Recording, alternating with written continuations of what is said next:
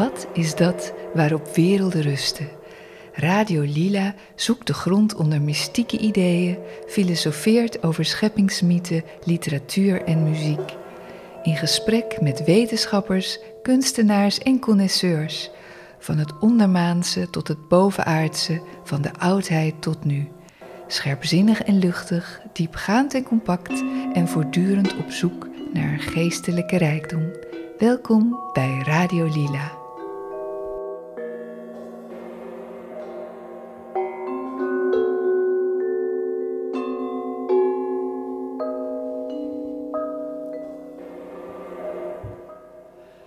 Deze podcast hebben we vandaag te gast uh, Johan Herrenberg of JZ Herrenberg. Uh, hoe kan ik je het beste noemen? Gewoon Johan, maar mijn schrijversnaam is JZ Herrenberg. Mijn volledige naam Johannes Sageus.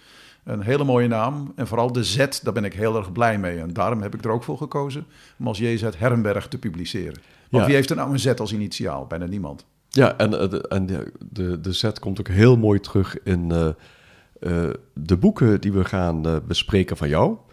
Uh, ik zal even voor de, de luisteraar uh, aankondigen. Uh, vijf jaar geleden verscheen Nederhalfrond van JZ Herrenberg. En onlangs is in 2023 Opperhalfrond verschenen, een duologie die zich natuurlijk ontpopt heeft als een trilogie. Ja, precies. Het deed mij meteen aan uh, Douglas Adams, The Transgalactic Lifters. Uh, nou, Transgalactic uh, Hitchhikers. Hitchhiker Guide to the Galaxy. Ja, de, ja. de, de, trilogie in vijf delen. Dat, dat, dat, steeds meer ten onrechte een trilogie werd genaamd. En hmm. het ziet er nou uit dat jij inmiddels ook naar een trilogie toe aan het werken bent. dat is inderdaad gebeurd. En uh, uh, het zal me nog niet verbazen als dat uiteindelijk ook een uh, tetralogie gaat worden. Ja. Ja. Dat denk ik dus niet. Het zal drie delen zijn. Maar ik weet nu al dat Wereldrond, zoals het derde deel gaat heten, dat het een scharnier ook zou kunnen zijn naar andere boeken. Maar dit project heeft drie delen. En dat het drie delen is geworden, dat werd me pas in maart duidelijk. Toen ik merkte dat het dubbele hoogtepunt uh, wat ik had voorzien voor dit deel, opperhalfrond, dat het daar niet in kon plaatsvinden, omdat het dan de hele zaak structureel uit balans had gegooid. En toen wist ik, er komt een derde deel. En ja, daar schrok ik natuurlijk even van. Maar op, na een weekend erover na te hebben gedacht, wist ik, het is de juiste oplossing. Mijn uitgever was er blij mee. Vrienden die ik heb geraadpleegd waren er ook over te spreken. En zo zal het dus ook worden. Ja, het, het zorgde wel voor een, uh, een, kleine teleurstelling bij uh, deze lezer. Want die uh, had uh, het uh, nederhalfrond gelezen en hoopte op de ontknoping in de opperhalfrond. Ja. En moet ik daar waarschijnlijk nog een paar jaar op wachten. Ja, en ik mag ook hopen dat je nog een lang leven beschoren bent. Want ja, er zijn natuurlijk mensen die ouder zijn dan jij. En ja, die misschien dat niet zullen meemaken. Daar ben ik me ook al van bewust. Want ik ben in 1996 aan het hele project begonnen. En ik sleep al aardig wat doden met me mee, moet ik eerlijk zeggen. En dat is heel jammer. Maar ja, er is niets aan te doen. Het is een project uh, dat ik ben begonnen en dat ik tot een goed eind moet voeren. Dat zie ik wel als mijn opdracht. En maar ja, het neemt al erg lang. Een olifantendracht noem ik het soms wel. Want ik zal 30 jaar ermee bezig zijn geweest als Wereldrond hopelijk in 2026 zal verschijnen. Ja, ja. ja ik herinner me uh, toen ik jou leerde kennen, toen zou het boek uh, bijna verschijnen. Of het was bijna klaar. Mm. En dat heeft uh, vervolgens nog een aantal jaar ja, geduurd. Ja, want wij leerden elkaar kennen denk ik in 2010 ongeveer. Ja, het is volgens mij heeft acht jaar geduurd. En het, dat duurde nog altijd acht jaar voor het eerste deel verscheen. Ja, ja. ja en de, de doorden waar je het over hebt, ze komen eigenlijk op de eerste pagina van de ja, halfrond. Het is opgedragen al diegenen die het niet hebben mogen meemaken. En die staan in het portaal, ja, zoals het heel het mooi, staat. mooi omschreven. Ja, ja. ja, ja. Dus... Uh, ja, nederhalfrond en opperhalfrond.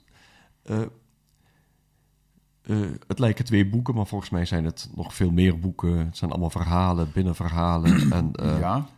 ook door verschillende mensen geschreven. Klopt. Zou je daar iets over kunnen vertellen?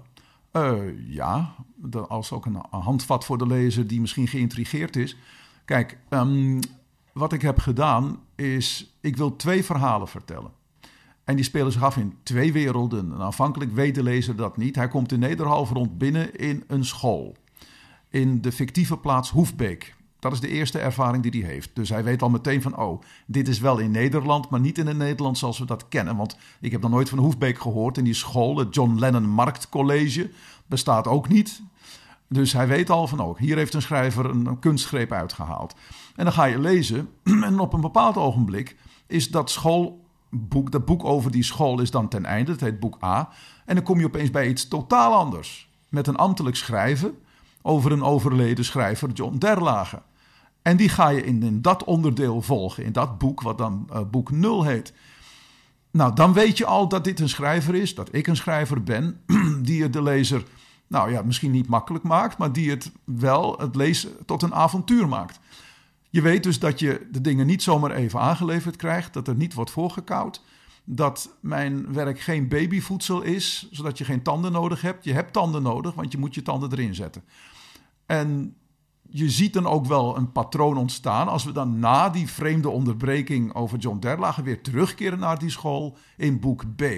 En dan begin je te begrijpen, oké, okay, Nederhalfrond, daar krijg ik twee boeken gepresenteerd die zich op die school afspelen. En je krijgt er plotseling als een soort rare zwerfsteen, krijg je plotseling dan die John Derlage ertussendoor. En dan begrijp je dus dat dit boek een hele wonderlijke opzet heeft. En als je dus Nederhalfrond hebt gelezen, dan weet je ook dat het verhaal nog niet af is en dat je nog veel meer moet gaan weten. Ja, want je hebt uh, het Nederhalfrond heb je onderverdeeld in boek A en B, maar ook boek 0 en volgens mij boek 1. En dat is de derlage stof, als ik ja, het goed begrijp. En het boek 1 komt in opperhalfrond voor. Dus daar krijg je de voortzetting van die stof die je hebt gekregen in Nederhalfrond in dat ene boek. Dat krijg je in opperhalfrond als heel boek gepresenteerd. Dus dat, het vervolg op die stof van John Derlage is het hele boek opperhalfrond. Ja, dus het, de derlage stof, uh, of laat ik zeggen, de, dat, dat verhaal wat, wat zich afspeelt op, uh, uh, op dat marktcollege, mm -hmm. de, de lenteparty, ja. allerhande toespelingen op de Beatles zitten daarin, ja. ook in de titels. En mm -hmm ja, sowieso de, het idee marktcollege ook vind ik een erg leuke vondst. Omdat het toch wel, je komt dat in het boek vaak tegen, de, de kritiek toch op ja, marktwerking. doorgeslagen dus marktdenken. Doorgeslagen, ja. ja, ja. En is dat die thematiek van die middelbare school dan afgerond in Nederhalfrond? Of? Nee, want er komt nog een, een boek C. En dat komt dus in Wereldrond nu. Ik had dus gedacht dat ik in opperhalfrond de combinatie van die twee stoffen zou gaan leveren en ook het, dubbele hoogtepunt van beide stoffen. Maar dat bleek dus niet te kunnen, omdat die derlage stof zodanig uitdijde en zoveel ruimte nodig had. En ook zijn eigen climax al kreeg in dat boek 1, dat dus opperhalfrond is, dat het niet mogelijk was die dubbele climax te leveren. Dus je, krijgt, dus je ziet ook helemaal niks van die school in opperhalfrond. Dat blijft uitgespaard. En in wereldrond komt dan het boek C in combinatie met het laatste deel van de derlage stof. En die worden dan radicaal door elkaar heen gemengd. dan dus, krijg je dus twee werelden door elkaar heen gevlochten. Ja, dus we hebben de, die wereld, uh, de, de, middelbare schoolstof. Ja. Dat is geschreven door John Derlage. Ja, dat blijkt dus inderdaad ontsproten te zijn aan het brein van John Derlage. Ja, dus ja. hebben we uh, een schrijver binnen de schrijver. Klopt, ja. Maar daarmee zijn we er geloof ik Nee, daarmee zijn we er dus niet. Want wat dus blijkt uit wat eigenlijk al blijkt in Nederhalfrond, maar de lezer neemt dat niet waar. Maar dat wordt heel duidelijk in Opperhalfrond, is dat John Derlage is ontsproten aan het brein van een andere schrijver, Enno van der Zee. Dus dan moet je dus gaan begrijpen dat dat hele complexe geheel van schoolverhaal en derlageverhaal is ontsproten aan een Enno van der Zee, die ook in een Nederland woont dat niet het onze is. Dus dat geeft al aan dus dat je een schoolwereld hebt met een Nederland. Je hebt John Derlage, die in zijn Nederland woont. En je hebt Enno van der Zee, die weer in zijn Nederland woont. Er zijn al drie Nederlanden. En daarmee wordt dus ook duidelijk gemaakt dat de schrijver J.Z. Herrenberg de vierde schrijver is. Want dat is de overkoepelende instantie die al die andere schrijvers mogelijk maakt. En dus die hele wereld heeft mogelijk gemaakt. En dat moet in wereld rond, dat, dat zijn titel dan ook wel waar, waard is, dan wordt de wereld rond. Dan ga je merken hoe het in elkaar steekt. Ja, ja, je bent eigenlijk de overkoepelende schrijver. Uh, de, de, schrijver dus waaruit eigenlijk het, het, het idee uh, ja, emaneert. Emaneert, hè? En dat is, doet aan de, ja. natuurlijk aan de Kabbalah denken. En dan heb je de, de wereld absoluut, de emaneer, waar de emanatie plaatsvindt. Beria, de scheppende wereld. Yatsira de formatie en dan de actie Assia. Dus het lijkt bijna of die, die actie, uh, hè, de, de laagste wereld door mm -hmm. der lager geschapen is, die middelbare uh, schoolstof. School, de formatie dan zo dan die... John Derlager. Ja, door de, hè, dus die ges, geschapen door, door Enno. In, in de Beria-wereld. En dan de godgelijke uh, Jezeta, JZH, ja, JZH. Johan ja, Herrenberg. Ja. En uh, de mensen die het boek nog niet gelezen hebben, uh, moeten ze sowieso natuurlijk gaan doen. maar de mensen die het gelezen hebben, die zullen herkennen JZH, natuurlijk de initialen van Johan Herrenberg. daar is een duidelijke link met John Derlage, die zich soms Jezeta van ja. Zanaret ja, noemt. Jezeta van Zanaret, ja, klopt. Ja, alsof, alsof hij Jezus is. Hij, een Messias-complex. Hij is een Messias, ja, hij heeft, dat heeft hij wel, een Messias-complex. Maar je komt er als lezer niet helemaal uit. Hij, hij ziet zich als de tweede zoon van God. Die is geroepen door God om alsnog de wereld te stichten met zijn offer. Alsnog de wereld te redden. Omdat de eerste keer niet heeft geholpen. En je hoort God ook zelf een monoloog uitspreken in Opperhalfrond... waarin hij uiteenzet wat zijn plannen zijn en waarom hij het heeft gedaan. Waarom hij John Derlage geboren heeft laten worden en wat dan zijn functie is. Maar als lezer kom je er niet helemaal achter of dit uh, het optekenen is van de, de waan zeg maar, van John Derlage... of dit een soort van verabsolutering is van de waan van John Derlage die we dan lezen... of dat het werkelijk de stem van God is die we horen, die ons toespreekt... Want we worden als lezer letterlijk toegesproken door God. Dus zitten we dan zozeer in het hoofd van John Derlage dat we zijn waanzin delen, of niet? Of zou je kunnen zeggen, is de schrijver Jezus Herrenberg niet goed bij zijn hoofd, die het in zijn hoofd heeft gehaald zoiets te willen schrijven? Een messiascomplex. Ja, dat ik een messiascomplex zou hebben, omdat ik dat thema heb gekozen. Nou ja, um, je kiest je stof niet, de stof kiest jou. Er is in mij iets dat volgzaam is, dat dient. Dus um, dat ik wel altijd bezig ben geweest met christelijke stof en met de Bijbel en met Jezus. Dat is een feit. Maar toen ik het boek schreef, ja, waren nog heel veel dingen niet duidelijk. Um, maar wilde ik eigenlijk, misschien is dat wel interessant, ik had toen het idee, religie hield mij bezig en de Bijbel hield mij bezig. En ik wilde eigenlijk een heilig boek scheppen. Ik wilde zien of, het, of religie niets anders is dan het heel sterke gebruik van de verbeelding in woorden. Dus dat Jezus, uh, nou, de meest echt een geniaal gebruiker van, van, van taal is geweest om dat beeld van dat hij de zoon van God zou zijn, om dat ingang te laten vinden in, in zijn volgelingen. Was hij een genie in het religieuze? Zoals Lenin dit is, dat was geweest in de revolutie. En zo zag ik het toen, halverwege de jaren negentig. En ik wilde gewoon zien van, is het mogelijk een heilig boek te schrijven? Met behulp van de verbeelding en het oppermachtig gebruik van taal. Nou, daar is een heel interessante ontwikkeling bij mij gekomen. Eh, dat ik een bekering heb doorgemaakt op een bepaald ogenblik in 2013. En ik ben dus christen geworden. Dat dus, is vlak voor het verschijnen. Toen was eigenlijk uh, uh, was zo goed als klaar. Min of meer. Had nog een paar jaar nodig. Maar die bekering heeft ervoor gezorgd dat ik het boek kon voltooien. Dat ik verder kon komen. Want het was toch een obstakel waar ik omheen moest. Dus wat was begonnen als kritiek, werd uiteindelijk iets anders. Ja, en wat het dan nu is, ja, dat laat ik aan de lezer over. maar het is een, een vreemd werk dat ik aan het maken ben dat aan, je zult het niet echt, als lezer heb je niet het idee, sowieso niet het idee dat je een heilige tekst leest. Want daar is het, uh, zijn de onderwerpen, wat de gebeurtenissen te prozaïs. Uh, aan de ene kant wel. Aan de andere kant is de Bijbel een heel historisch boek. Uh, het houdt zich bezig vaak met, met, met allerlei feiten. Er worden allerlei namen genoemd, zeker het Oude Testament. Het zit vol met stambomen. En ook in het, als je het, inderdaad het Nieuwe Testament leest, het evangelie is heel concreet wordt altijd gezegd, die was toen gouverneur en toen regeerde de keizer die. En het is heel specifiek. Hè? Het, is, het is niet zomaar uh, vanuit het luchtledige. Het is een hele concrete wereld die wordt opgeroepen. Die concreetheid zit in mijn boek ook. En die religieuze bovenbouw, die spirituele bovenbouw zit er ook in. Dat het geen heilige tekst is? Nee, omdat het zich niet zodanig afficheert. Maar John Derlage is een intens religieuze creatie, zoals hij zichzelf ziet. En daar wordt hij ook wel belachelijk om gemaakt. Er worden ook wel grappen over gemaakt. En hij, zo wordt hij ook wel bejegend soms, van dat hij niet goed bij zijn hoofd is. Nee. Ja, ja, maar, het is, maar je, zult het als lezer niet zo direct ervaren als je op de middelbare school uh, stof op het uh, nee. uh, Lennon College of alle gebeurtenissen daaromheen. Nee, nee, dat, zo gaat, nee dat zul je niet. Nee, dat klopt. En het is, en wij moeten ook zeker niet vergeten, het is ook een, een soms een dol komisch boek. Het Ik is, zit echt soms te schudden buiken van het lachen. Ja, en, er zit enorme humor in. het is ook een satire. Het, het, loopt allemaal door elkaar heen. Hè? En dat heeft de critici ook voor, het, voor een raadsel geplaatst, denk ik. Veel critici begrijpen niet dat het boek een synthese is van van alles. Het is ook satire, dus je kunt lachen. Je mag eigenlijk continu lachen als je er zin in hebt, want het is ondergedompeld in humor. Je kunt elke zin eigenlijk tegen het licht houden en dan zie je wel een grijns soms erachter ja, of een knipoog.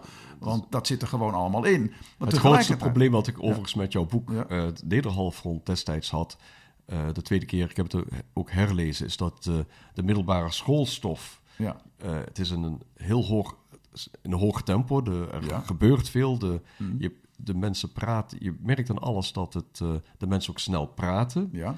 Uh, maar de zinnen zijn zo ja, in beton gegooid. Ze zijn ja. zo, zo sterk, zo krachtig, Klopt. zo ritmisch. Klopt. Dat je eigenlijk... Uh, je, wilt snel, je, je hebt het idee, je moet sneller lezen... maar je wordt eigenlijk steeds... wordt je gevraagd om toch te vertragen... omdat je... Ja, alles wil meekrijgen wat er ja, gebeurt. Nou, dat, dat moet je dus niet willen. Dus ik zeg tegen de lezer: laat je nou gewoon door het tempo van het werk meeslepen. Probeer eerst voor de eerste keer te lezen in het tempo van het boek zelf, zonder nog alles te kunnen of willen begrijpen. Want dat gaat je toch niet lukken. Dat is mij dus ook niet gelukt, want daarom ben ik er zo lang mee bezig geweest. Bij mij zit die traagheid in het hele scheppingsproces. Maar ik ben wel de, de traagste schrijver met de snelste stijl. Heb ik, zo heb ik mezelf wel eens een keer omschreven. Want er is niemand langzamer in dit taalgebied dan ik. Maar ik, heb het, ik schrijf het snelste proza. En ook met een, met, een, met een enorme, met een bliksemsnelheid van denken in zinnen. Ja, maar dat, daar zit dus wel jarenlang werk achter. En heel wat, heel wat traagheid was nodig voor zoveel ja. snelheid. Nee, en, en, en dat verdwalen, het is natuurlijk al heel snel duidelijk dat je, dat je het niet gaat redden. Al, alleen al door de hoeveelheid personages waar je, die je ja. tegenkomt. En ja. uh, de, uh, ja, dan ook nog boeken die in elkaar uh, overgaan. Ja. Uh, niet altijd in de gaten had wie is er aan het woord. Nee, hè? Welke schrijver uh, woord? Ja. ben ik aan het lezen. Ja. En, uh, maar ja, het is voldoende stof om toch, uh, toch door te, uh, te lezen. Wist jij van tevoren al, uh, toen je het schreef, wat de vorm zou zijn? Um, nee, Behalve dat, dat wist je die trilogie niet. natuurlijk niet nee, wist. dat, maar- dat wist ik niet. Dat, dat is dus het hele eieren eten ook. Dat is de reden van die enorme traagheid. Eh, ik, het, oorspronkelijk ben ik begonnen met een schoolverhaal. En dat heette Het Land van Rembrandt Real Time. Dat speelde zich af op het college. Daar word je ook geïntroduceerd aan verschillende figuren. Je hebt daar een janitor, zoals hij wordt genoemd, een conciërge. Piet Beumer en zijn zieke vrouw. Je hebt een soort van snel eh, mannetje die daar iets, die een deal moet sluiten. Marco Kramer. Je hebt Geesje Stoop, de afwijkende leerlingen die van, het, uh, van geestelijke dingen houdt, van kunst houdt en daarmee volledig dissoneert met haar uh, omgeving, maar wel een, een, soort bondgenoot heeft gevonden in een leraar Nederlands uh, van der Moer. En je hebt de vreeswekkende rectrix Chantal Neumann, die ook heel belangrijk is. Ja, ja. Dat zijn eigenlijk wel de belangrijke figuren. Zij wordt meteen geïntroduceerd. Die wordt meteen geïntroduceerd. Die zie je ook meteen in het begin van het boek. Die komt ook op in de aula van die school voor de lenteparty, die elk jaar wordt gevierd. En um, ja, die volg je, die figuren volg je. Maar dat verhaal had ik dus geschreven. En dat was een verhaal van 25 bladzijden. En dat heb ik in 1995 geschreven, denk ik. En toen ben ik dat gaan uitwerken. En toen bereikte ik een bepaald punt in de uitwerking... waarbij ik iets anders opeens zag gebeuren. Ik zag een, een vluchtende schrijver die al overleden was. Ergo John Derlage. En ik wist dat het iets te maken had met het schoolverhaal. Maar ik wist niet precies hoe. Nou, en toen ben ik, heb ik me op die stof gestort van John Derlage. En dat kreeg zijn eigen dynamiek en omvang. En toen ben ik gaan kijken, horen die twee stoffen eigenlijk niet bij elkaar? En toen ben ik ze op elkaar gaan betrekken en toen ben ik het gaan zien. En toen zag ik John Derlage is de schepper van dat schoolverhaal. Nou, daar kwam al de eerste stap. En toen op een bepaald ogenblik had ik heel veel... En toen begon ik te zien hoe ik die stof in boeken zou kunnen onderverdelen. Dus in Nederhalfrond heb je drie boeken, boek A, boek 0 en boek B. Toen begon ik te zien van, hé, hey, zo zou ik het kunnen gaan doen. Dat ik het afwisselend ga doen. Dat je eerst de school hebt, dan John Derlage, dan de school. Maar op een gegeven ogenblik door elkaar. Nou, toen had ik op een bepaald moment dus heel veel, maar het was moeilijk om het boek dan af te krijgen. Het was moeilijk. Toen ik uh, de uh, suggestie kreeg van Herman Stevens, romanschrijver, waarom splits je het boek niet in twee delen? Nou, dat was werkelijk uh, nou, een ongelooflijke tip. Want toen dacht ik van oké, dan wordt het dus twee boeken. Dan kan ik die twee stoffen verdelen over twee boeken. Ik kan die afwisseling van school en derlage. In het eerste deel is het school, derlage, school. Dan kan ik in het tweede boek derlage, school. En dan derlage school door elkaar gaan doen. En die school komt niet in het opperhalfrond, het tweede deel, maar in weer. Ja, en dus ik had het idee, van, dat zijn er dus twee boeken. Maar ja, daar is, dus, daar, daar is door de muze roet in het eten gegooid in maart. Toen die derlage stof, die in opperhalfrond oppermachtig is, werd zo uitgebreid en had zijn eigen climax dat ik dacht, daar kan niks meer bij. En het, het, het, zou al 400 pagina's weer worden. Want als je de twee boeken nu ziet, ze zijn eigenlijk even dik. Het voelt echt als een tweeling. Als het me was gelukt in opperhalfrond alles af te ronden, was het prachtig geweest als een tweeluik. Maar ja, het wordt het dus niet. Er komt nog een wereldrond, er komt nog een derde. En ik omschrijf Nederhalfrond ook als moederboek en opperhalfrond als vaderboek. Dus wereldrond is het kind. Oké, ja. Dat is het kind. Dat is op zich heel bijzonder dat dan de, de, de schepper Johan Herrenberg, of Jezet Herrenberg, echt aan bod komt. En dan de zoon is in feite ja, van, de, als het kind, van ja, deze In Wereldrond, dat zie ik als het kind van beide andere boeken. Het is het kind. Het is vader, het is moeder, vader, kind. Ja, ik, uh, ik zag op, uh, vooral bij, uh, bij, bij Ophalfront worden invloeden, of, of nee, niet invloeden, maar vergelijkingen getrokken met James Joyce, Stefano D'Arrigo mm -hmm. en Uwe John's zoon. Ja.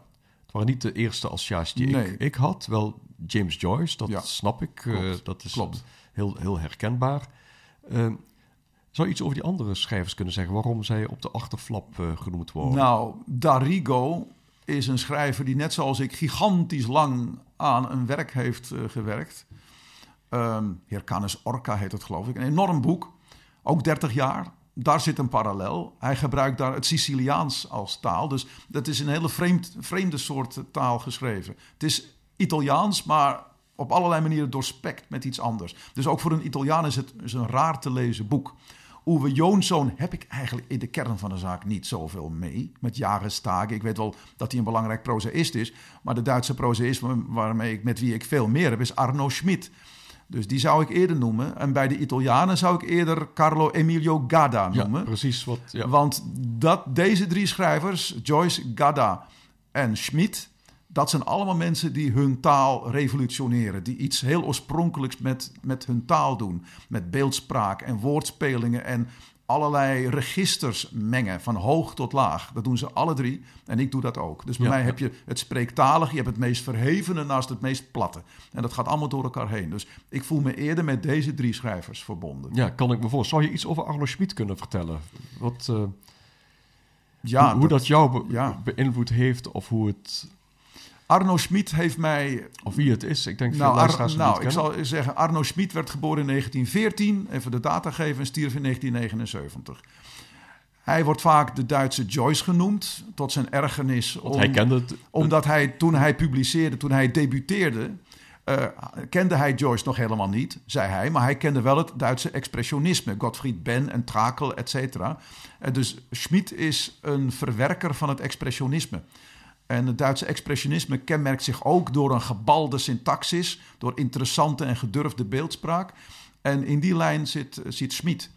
En toen ik eh Schmid ontdekte, kende ik Gottfried Benn al, de belangrijkste Duitse expressionist, denk ik toch wel. Er zijn nog een paar andere, Trakel is natuurlijk geweldig en er zijn nog een paar andere, maar Gottfried ja. Benn was wel de grote schok.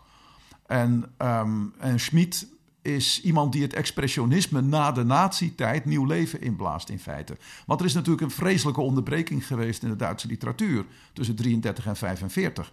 En Schmid die zet lijnen voort. Schmid wortelt ook in de 18e eeuw. Hij wortelt ook in een Wieland en een Jean-Paul. Wat het interessante van eh Schmid is, is dat hij de hele traditie in zichzelf verenigt. Dat hij, zoals hij zegt, alles wat ooit geschreven heeft, moet meeleven met hem in het heden. En dat vind ik dus ook heel mooi. Dat hij het verleden niet vergeet. Dat hij ongelooflijk veel gelezen heeft. De man bestond uit boeken en letters. hij, hij, was een enorme boekenvreter, zou je kunnen zeggen. Veel meer dan ik overigens hoor, want ik heb nog wel andere kunsten die ik ook mooi vind. Je snapt niet dat Arno Schmid nog tijd heeft gehad om nee, te dat, schrijven. dat hij nog kan schrijven is wonderbaarlijk. Maar zijn literatuur is dan ook verwerkte literatuur. Het, bedoel, het draagt alle sporen van zijn lectuur. Dus alles wat hij heeft gelezen wordt in de vorm van citaten verwerkt en toespelingen, et cetera. Zonder dat je eigenlijk, hè, want hij zegt uh, literatuur als literatuur gemacht. Hè? Ja. Het is niet, uh, ja. terwijl je toch wel heel duidelijk een, ja, niet, een duidelijke verhaallijn, maar het, heeft echt duidelijke ontwikkeling. Ja, niet, en zijn werk is ook heel persoonlijk, in het autobiografische geworteld. Alles is in de ik-vorm geschreven bij Schmid. Ook ja. zo typerend. Alles is in ik-vorm. Bij mij dus niet, want ik schrijf in de hij-vorm primair. Als er een ik is, is het ingebed in een hij. Ik schrijf nooit in de ik-vorm, maar Schmid altijd. Alles wordt vanuit het specifieke Schmittiaanse gezichtspunt geschreven. Nou, ik ontdekte hem in 1985. En toen was ik al, nou was ik 23, 24 jaar. Toen had ik mijn stijl in feite op een bepaalde manier al gevonden. Maar toen ik Schmid las, zag ik een geestverwant. Ja, ja. Ik zag hem daar dingen doen met de taal die leken op wat ik zelf deed. Maar hij had één aspect dat voor mij van invloed is geweest. En dat is zijn enorme uh, precisie. Dat hij dus uh, het nodig vindt om de afmetingen van dingen te noemen. Dat iets 1 bij 2 meter is of zo. En dat hij heel exact is. En dat vond ik heel mooi, want dat geeft dan iets, ja, iets heel echts aan datgene wat je schrijft. Die werkelijkheid die je beschrijft. Als je daar de mate geeft van een object, dan heb je dat het object dus werkelijk is. En die precisie, die heb ik overgenomen. En die Ja, zag ik ook bij W.F. Hermans trouwens, Ja. in onze literatuur.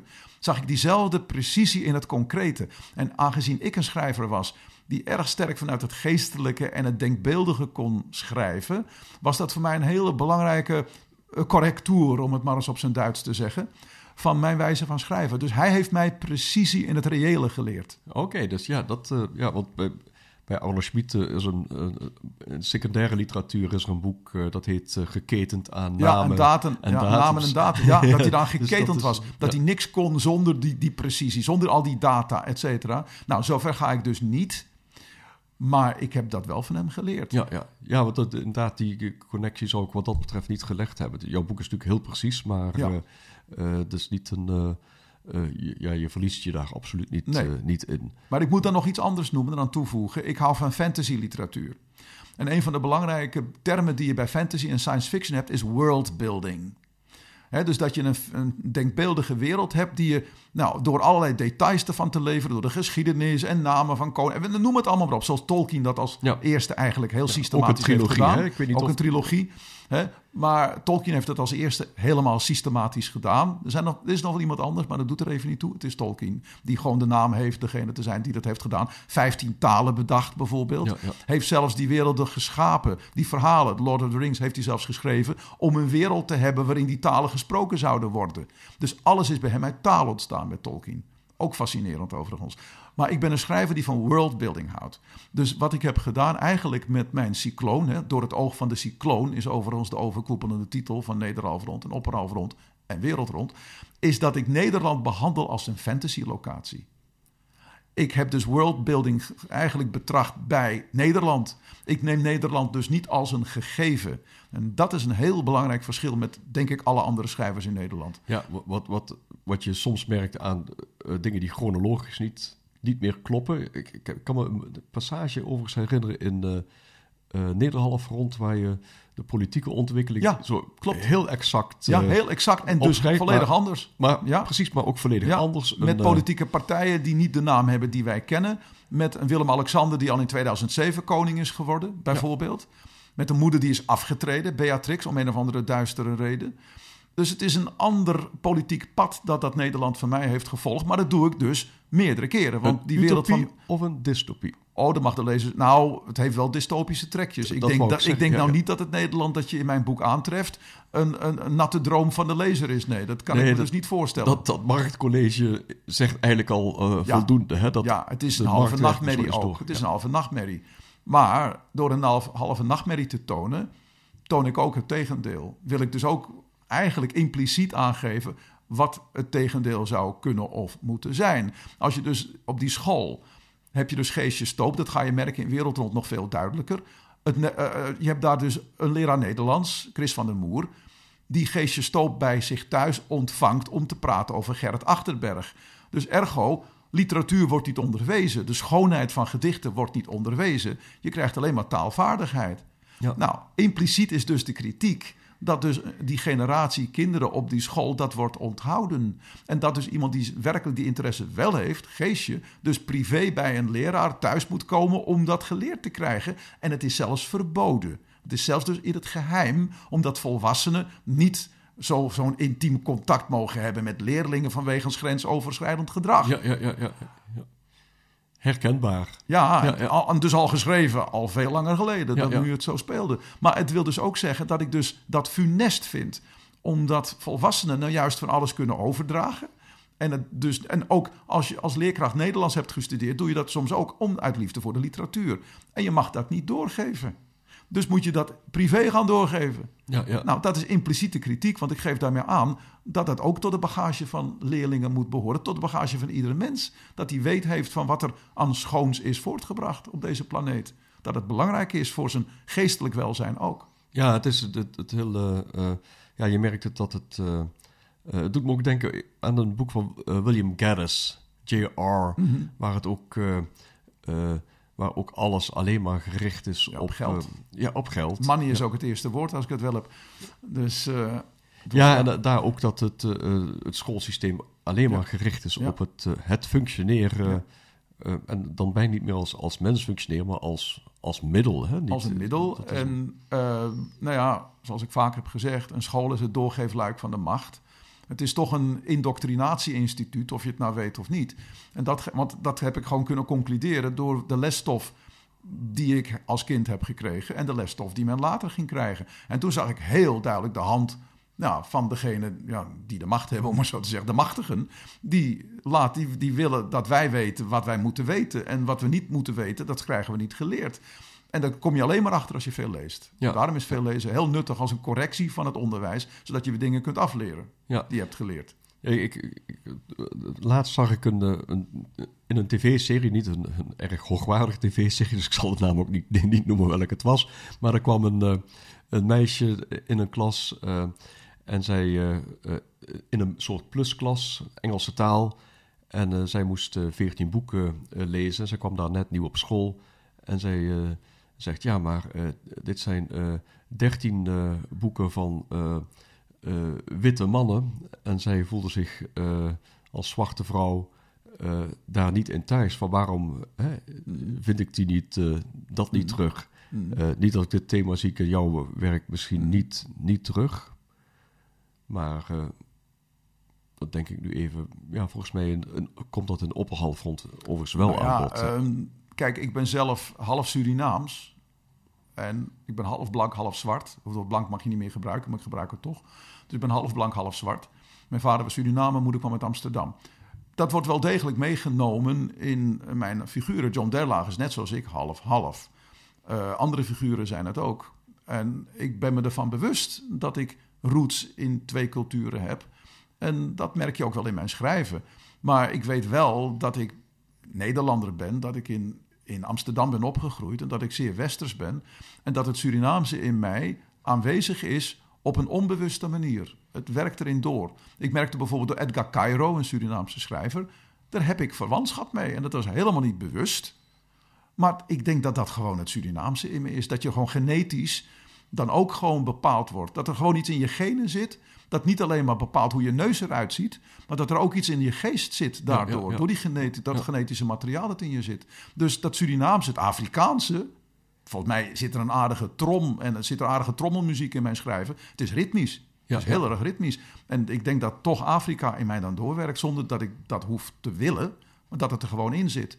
Overigens dat hele idee dat je in je lectuur altijd maar jezelf weer spiegeld moet zien. Nee, daar is het nou juist niet voor. Je moet nou juist ook over je eigen grenzen heen kunnen kijken. Dus literatuur moet je ook laten kennismaken met datgene wat je niet bent. Dus dat hele idee van iedere keer maar bevestigd te worden. Ik heb nooit willen lezen over een jongen die half blank, half zwart was, zoals ik. Niet specifiek. Want uh, die ervaring die ik heb, die zal ik toch niet in een boek kunnen lezen, want daar ben ik ik voor. dus ja, dus ik, ik, ik, zit niet meteen te kijken van door wie is het geschreven. En als het een witte man is, nou dan is het maar een witte man. Als het geniaal is, is het geniaal. Dus uh, ik kijk naar kwaliteit. Ik ga niet kijken naar de huidskleur van iemand of uh, naar zijn achtergrond of wat dan ook. Is het een boek dat, kan, dat, dat leeft? Is het, is het een toneelstuk dat leeft, een muziekstuk? Dat is mij het criterium. Ja, een, een, van de, een van de fascinerende dingen uh, toen ik gaandeweg in je, in je, je boek verder kwam is... In het begin heb je het idee, hier is helemaal geen Johan Herrenberg aanwezig. In de middelbare schoolstof, je hebt echt een schrijver die dit gaat niet over de schrijver zelf. Nee. wat, wat je natuurlijk, er zijn heel veel uh, mensen die hun, hun persoonlijkheid echt in een uh, tekst, hun zielen roerselen, naar alles kwijt willen. Hmm. Nou, dat was absoluut afwezig uh, de eerste, ja. zeker in de, de middelbare schoolstof. en, nou, en dan wordt op een gegeven moment wordt het, vond ik het fascinerend, omdat ik je ook een beetje, beetje ken, dat ik zag, oh, hier, hier zitten toch autobiografische dingen, kom er toch... Ja aan bod. En, wat, en dat gaat echt door elkaar heen lopen. het, het, het, verstoort elkaar niet, maar ik vond het heel fascinerend. Omdat ik juist dacht dat, dat jij afwezig zou blijven in je boek. Ja. Maar dat is nu heel duidelijk dat jij als opperschepper uh, uiteindelijk in het wereldrond uh, eigenlijk constant aanwezig bent. Nou ja, het punt is, kijk, um, ik ben geen autobiografische schrijver. Ik zeg altijd, ik ben een autopsychografische schrijver. Dus ik schrijf vanuit mijn geest en vanuit alle ervaringen die ik heb gehad... en alles wat ik ooit heb gehoord en gelezen, wat mensen me hebben verteld... en daar voed ik me mee. Maar ja, het boek komt niet uit het niets. Het komt uit mij. En ik ben onherhaalbaar, zoals iedere mens, en ik zal een keer sterven. Dus je laat toch ook een bericht na over wie je was. En ik kan het wel, ik kan het alleen maar door maskers. Ik zou nooit echt in de eerste persoon over mezelf kunnen schrijven. Want dat zou voor mij geen interessante literatuur opleveren. Dus ik moet wel een masker hebben. Ik moet Beetje wel... zoals Pessoa, een aantal ja, heteroniemen. Heteroniemen. Ja, ik ben op dezelfde dag geboren als Pessoa, 13 juni. Dus dat is ook heel frappant. Geketend aan namen en data. Ja, ja dat, ik, ik moet het wel via maskers doen. Dus daarom heb ik John Derlage als een soort raar alter ego. Maar ook Enno van der Zee weer ik kan het niet rechtstreeks doen, want dan wordt het misschien ook te rauw en misschien ook te gevaarlijk. Wie zal het zeggen? Het geeft je een bepaalde vrijheid. Hè? Een masker geeft vrijheid. Ja. En die heb je niet als ik echt autobiografisch zou schrijven, wordt het voor mij te plat. Ik zou het niet kunnen. En dan zou het denk ik ook absurd worden. Want als ik dan zo'n grootse stijl soms zou hanteren, zouden lezen denken, die heeft het hoog in de bol of zo. Het nou kan ik, complex. Ja, ja, bijvoorbeeld, moet je je voorstellen, dat zou absurd worden. Dus dat kan niet. Dus ik kan beter mijn, mijn, mijn grootheidswaande maar in figuren neerleggen. Ja, voor jezelf. Je probeert het voor jezelf te houden. Zodat het nog verhuld is. ja, dat, is, uh, nou, dat lukt niet altijd. Omdat, uh, het is natuurlijk ook een heel megalomaans uh, project. Het is een heel megalomaan project. Het is totaal geen zit en dat vind ik alleen vind ik, uh, uh, je sieren hoor. Het zit geen enkele bescheidenheid nee. in het boek. En nee. dat, heeft, dat mag het ook niet, niet, niet hebben, vind ik. want je, ja, je geeft je lezers. Je maakt het ze niet gemakkelijk. Nee. je maakt ze ook niet moeilijk bewust. Het is, het is niet een. ik heb niet het idee dat je moeilijk wil doen. Er zit geen complexiteit om de complexiteit. Nee. Nee. je wordt echt meegetrokken in, de, in de verhaallijnen. Dat moet, moet echt uh, uh, gezegd worden. Uh, je, zijn misschien niet meteen duidelijk, maar ja, dat, hè, de lezer moet er zelf wat, wat Ja, je moet doen. Sherlock Holmes zijn, zeg ik altijd. Je moet toch een speurneus zijn en je moet het ook leuk vinden. Kijk, als je niet je hersenen wil gebruiken en je wil alles voorgekoud krijgen, moet je mij niet lezen. Je moet me lezen als je van taal houdt en je bent, bent bereid ook nog een keer na te denken en dingen te combineren. Want ik vind het heel leuk om informatie te verspreiden. Dus dat je niet alles in één keer krijgt. Want zo wordt het ook spannend. Het is een ja, voortschrijdende openbaring, zoals ik altijd zeg.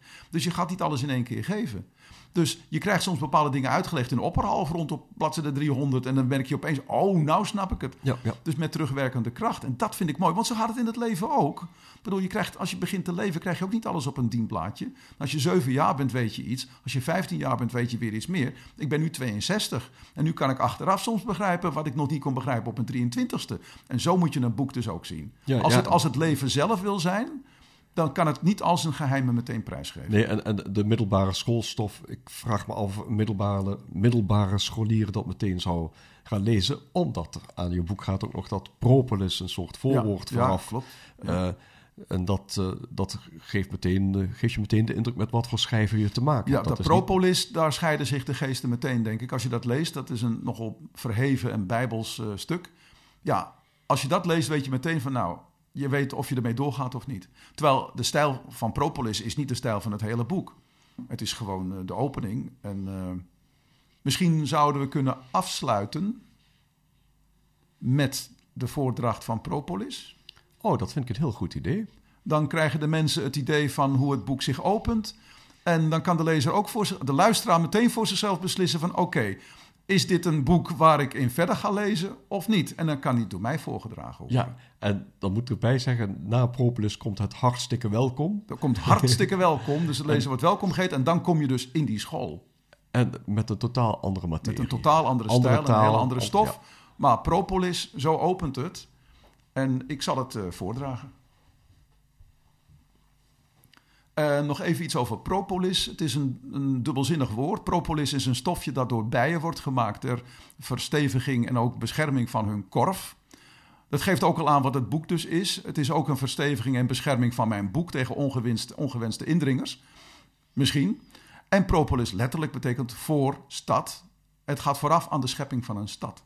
En dat ga je horen in dit stuk. En die stad dat heet Hoefbeek. En dat gaan we dus horen in dit stuk. Propolis. Wij schrijven het jaar en wij schrijven het zuchtend.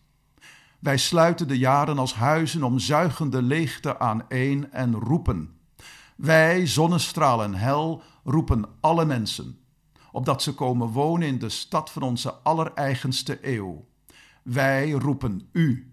Brengt bloed alstublieft en vult onze hulzen. Verenigt u onder de daken van talloze dagen en ziet u zelf nieuw door het oog van onze cycloon.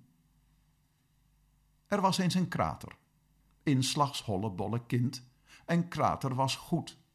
Het ongeboren en ongebeurde was door kraters inwezigheid onherroepelijk geschied.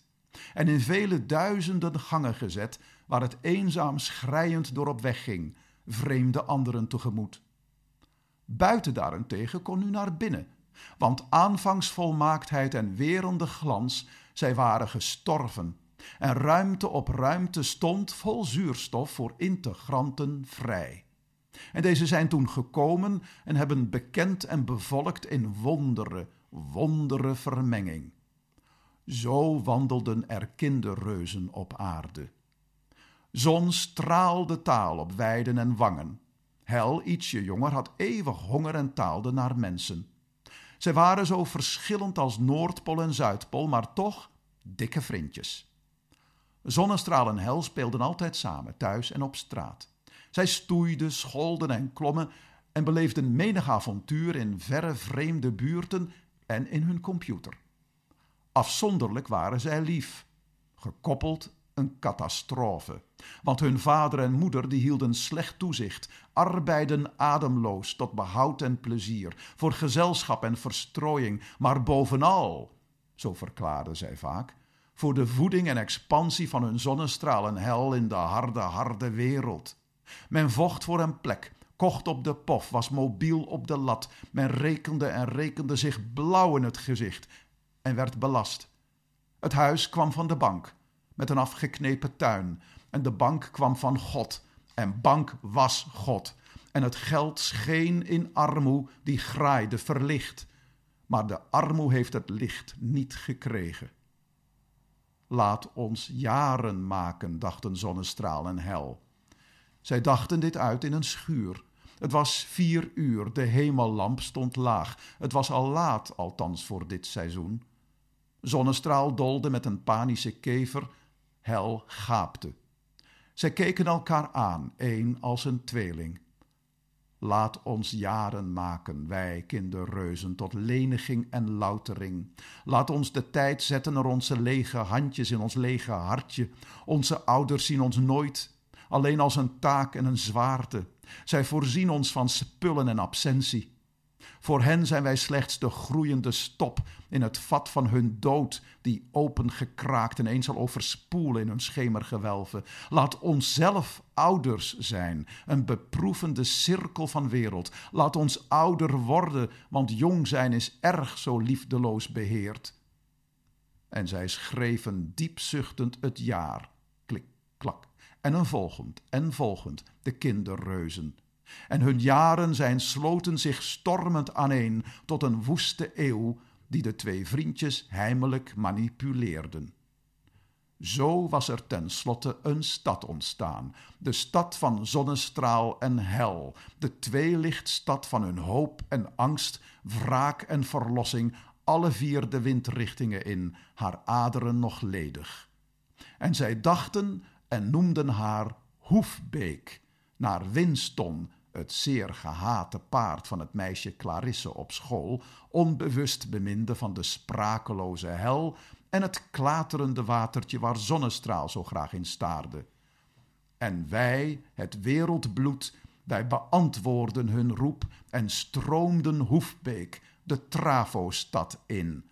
Smak, slik. En wij zagen, geboeid door het oog van de cycloon.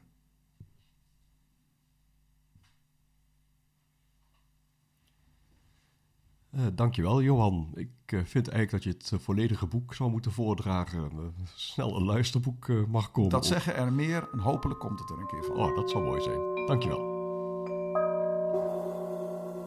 Weer bedankt voor het luisteren. En als je wilt reageren op de uitzending, kan dat via onze website, op onze Facebookpagina of door te mailen naar radiolilapodcast.gmail.com. Voor alle vragen of opmerkingen over de behandelde thema's of andere zaken, of als je ideeën hebt voor onderwerpen, laat het ons weten via www.radiolila.nl. Tot de volgende!